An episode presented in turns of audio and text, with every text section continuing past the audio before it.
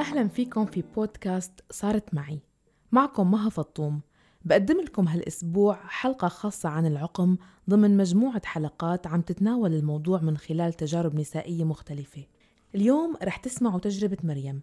علما أنه اخترنا طرح هالموضوع من خلال بودكاست صارت معي بمناسبة أسبوع التوعية العالمي بمشاكل الخصوبة والعقم من 2 إلى 5 نوفمبر وبعد الانتشار الكبير يلي حققته حلقة زميلتي أميرة ريا في بودكاست قصرة مع أميرة واللي تحدثت فيها عن تجربتها الشخصية بالحمل والإنجاب إثر معاناة وصعوبة تصنف طبيا بالعقم. بالحلقة السابقة تحدثت السيدة عفراء عن أسباب تأخر إنجابها والمشاعر اللي عاشتها خلال أربع سنوات قبل ما ينجح الأمر واليوم رح نسمع تجربة مريم وهو اسم مستعار لسيدة سورية قمنا أيضا بتعديل صوتها بناء على رغبتها عمرها حاليا 35 سنة تزوجت من 8 سنوات ورغم رغبتها بالحمل فما تمكنت من هالشي إلا من وقت قريب وهي الآن حامل بشهرها الثالث شو كانت المشكلة؟ كيف واجهت مع زوجها ضغط المجتمع والأهل وكيف نجح الأمر في النهاية؟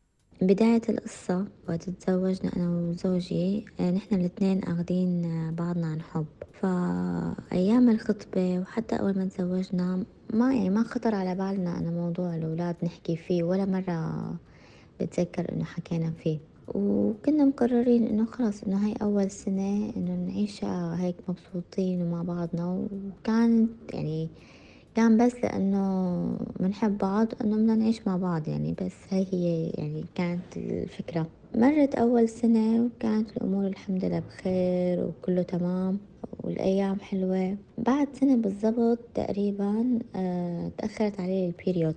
فتوقعت أكون حامل الصراحة وتأخرت منيح. كتير كنا إنه وقتها هيك إنه إنه لو عرفت إنه حامل إنه حنكون مبسوطين والأمور okay.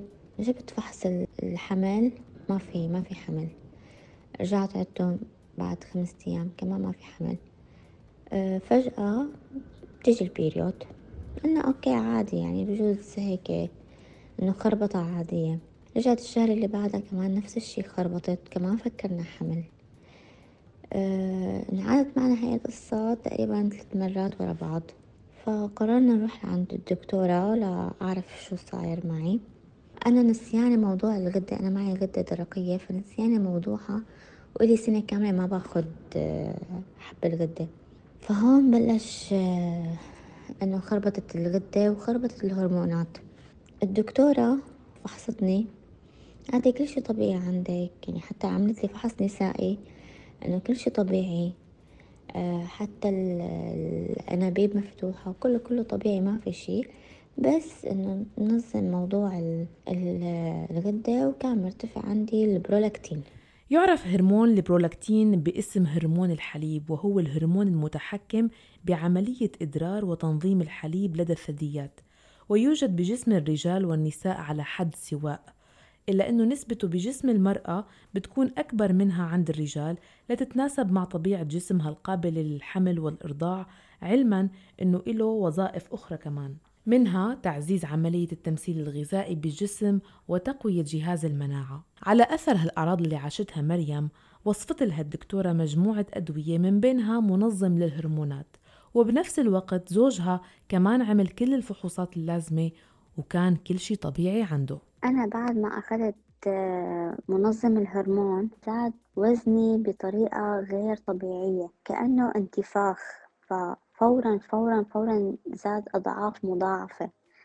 آه، رحت عند أول دكتور وتاني دكتور. أول دكتورة قالت لي خليكي على هي اللي وصفت لي المنظم خليكي عليه. تاني دكتورة ما حكت شي عن المنظم قالت لي روحي نحفي حالك.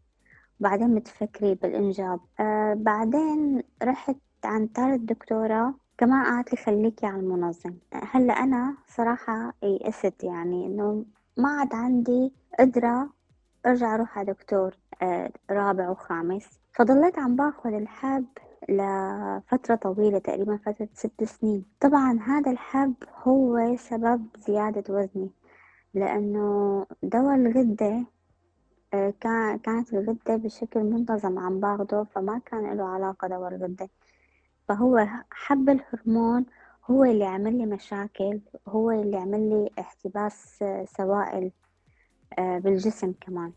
ضلت مريم عم تاخد منظم الهرمون لمدة ست سنوات لأنه وحسب ما وصفت يئست من حالة مراجعة الأطباء لوقت قررت توقفه بسبب حديث عابر. هلأ إمتى قررت وقف دواء الهرمون قررت وقف دواء الهرمون آه، وقت سمعت آه، مرة من آه، حدا من رفقاتي عم بيقول إنه هذا دواء الهرمون بيسمن بطريقة غير طبيعية وبيسبب تساقط شعر وحالة عصبية. فأنا فعلا كان يصير معي هيك. لهيك بدون سابق إنذار وقفته لحالي وقررت ما أروح ولا على دكتور. بس فقط رحت على دكتور التغذية أعمل نظام غذائي نزل من وزني. وبنفس الوقت هي تتابع لي أمور الغدة. قبل هيك خلال الست سنوات زرنا آه كذا دكتور كرمال الإنجاب.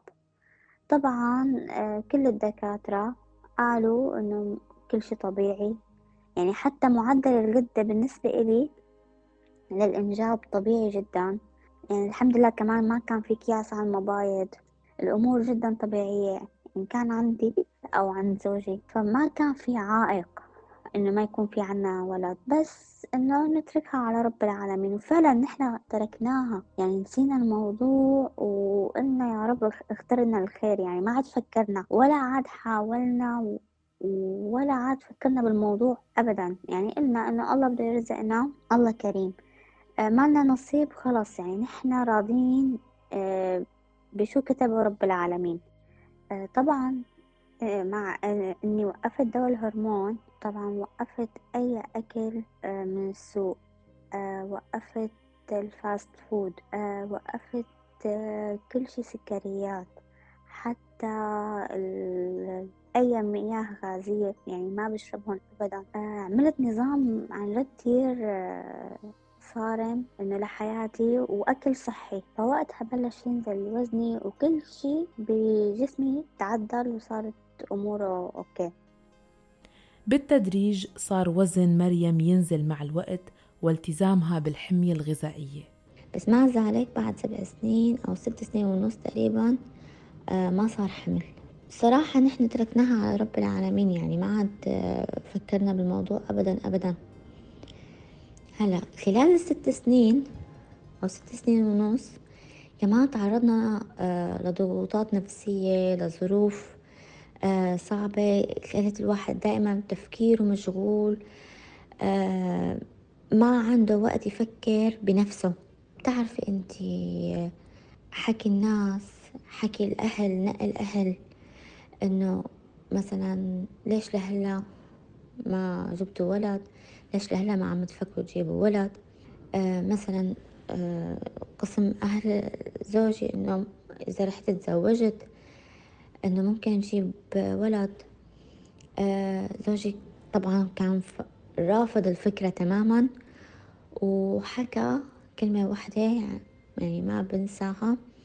إذا أنا بدي أروح أتزوج وأكسر خاطر الإنسان اللي حبتها من كرمال ولد أنا ما بدي إياه. إنه هاي اسمها كسران خاطر. فعن جد يعني وقتها يعني قال إنه الإنسان إنه ما بده يكسر بخاطر شخص كرمال شي ممكن لقدام يصير. طبعا حكي العالم إنه ليش لهلا؟ والأسئلة المحرجة يلي دائما بتصير آه انه إنه ليش لهلا ما عندكم أولاد؟ آه منك ولا منه؟ شو السبب؟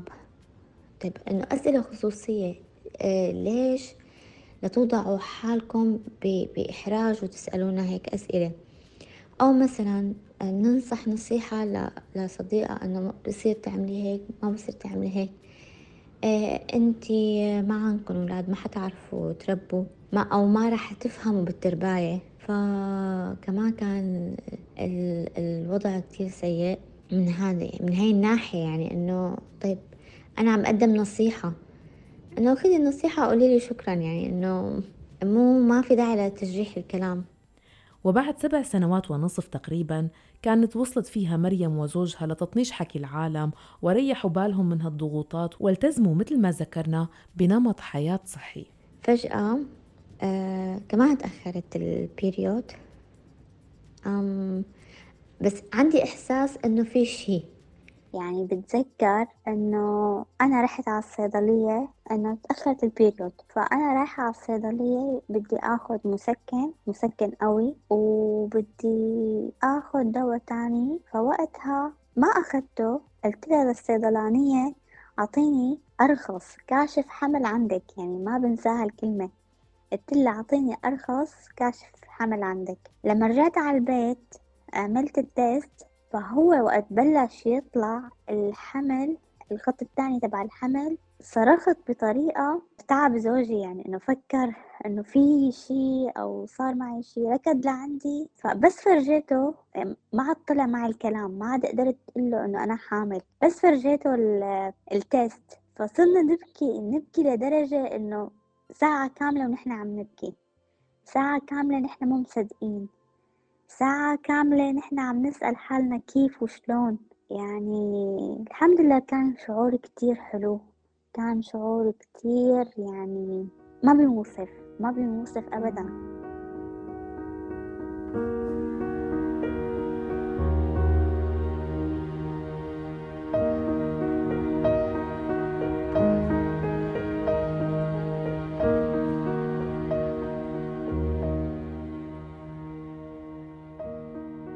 حابة أحكي نصيحة لكل الصبايا والشباب المتزوجين جديد أو صار لهم فترة متزوجين إنه ما يفكروا بالموضوع آه كل شيء له علاج كل شيء آه طول ما في موانع أي شيء ما يمنع أو موانع الأمور بإذن الله محلولة بس بالتوقيت المناسب بيكون الله كاتبها بالتوقيت المناسب. آه بجوز لو من آه سبع سنين إنه جبنا ولد كان الوقت مو مناسب. فكل شي بالوقت المناسب هو الصح. وطول ما في آه إنه أي آه إعاقة صحية طول ما الأمور أوكي بإذن الله. وعن جد نصيحة آه من أخت آه يبعدوا عن ال fast food يبعدوا عن الزيوت المهدرجة. قد ما فيهم يكتروا فواكه وخضرة يعني يعني يخلوا أكلهم صحي أكتر. هاي العوامل كلياتها بتساعد. وهيك الله يوفق الجميع. وناطرة هيك المولود الجديد بفارغ الصبر. شكرا مريم بنتمنى لك السلامة. وشكرا لكل المتابعين على حسن الاستماع. بلقاكم الأسبوع القادم بحلقة جديدة من بودكاست صارت معي. من هلأ لوقتها ضلوا بخير واسمعونا دايما من خلال موقعنا الآن دوت إف إم وجميع منصات البودكاست. فيكن أيضا تكونوا ضيوفنا وتخبرونا تجاربكم ومواقف حصلت معكم. لا تترددوا أبدا شو ما كان مضمونها. راسلوني عبر الواتساب 00 971 568 531 592 إلى اللقاء.